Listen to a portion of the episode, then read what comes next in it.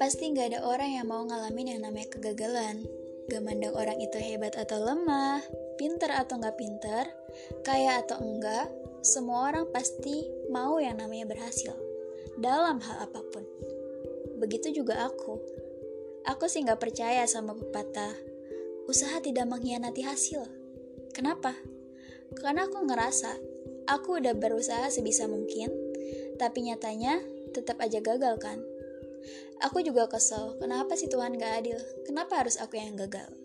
Aku udah gagal berkali-kali dan dari berkali-kali itu aku baru sadar, baru dapat pelajaran. Kok aku masih terus punya kesempatan ya? Padahal aku mikir gagal itu akhir dari segalanya. Nyatanya itu cuma mindset aku yang lagi down. Ada yang pernah bilang, kalau kamu gagal bukan berarti kamu ada di ujung dan bakal jatuh ke jurang. Dan ya, tamat. Itu enggak. Ini bukan akhir. Ini baru awal loh. Buktinya, kamu masih bisa ngerasain gagal terus kan? Bukan akhir dong. Dan dari situ aku jadi mikir, oh iya ya, kok gara-gara aku jadi gagal, aku jadi makin berani buat mencoba. Ya walaupun itu gagal lagi. Ternyata itu pelajaran yang bisa diambil. Gagal ini kan ujian dari Tuhan. Aku diuji supaya bisa lebih kuat dari sebelumnya lebih berani untuk mengambil resiko.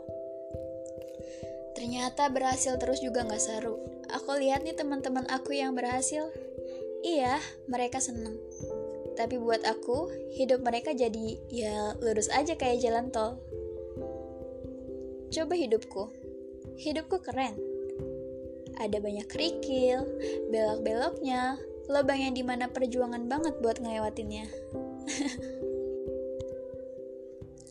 Tapi lama-lama usaha capek juga ya. Pengen udahan.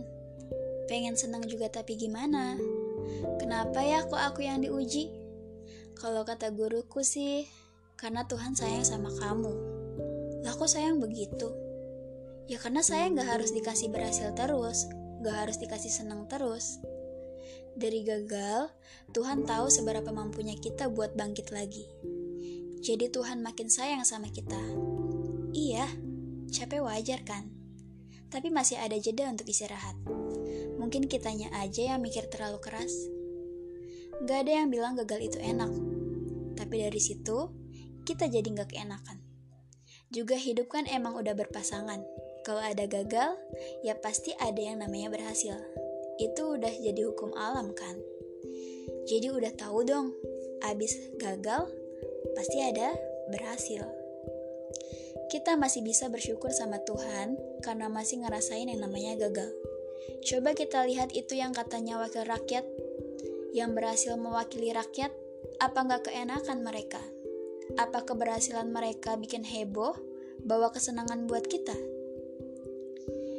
Jadi, biar rasa capek aku hilang, aku berusaha mengapresiasi diri sendiri. Hebat loh, kita udah sejauh ini, udah sekuat ini, dan gak lupa juga berterima kasih sama semua orang yang gak pernah bosan ngasih saran, ngasih semangat. Tanpa mereka, mungkin aku gak akan sekuat ini. Dan ternyata juga, semua tergantung sama diri kita. Kesiapan kita buat nerima semua kegagalan, bukan nolak sebel kecewa jadi putus asa, karena nasihat juga menurutku gak ada gunanya kalau kitanya masih belum bisa nerima. Semuanya bakal sia-sia. Niat kita tekad kita buat bangkit juga berpengaruh. Aku bangkit kalau nggak ada niat, buat apa kan? thank you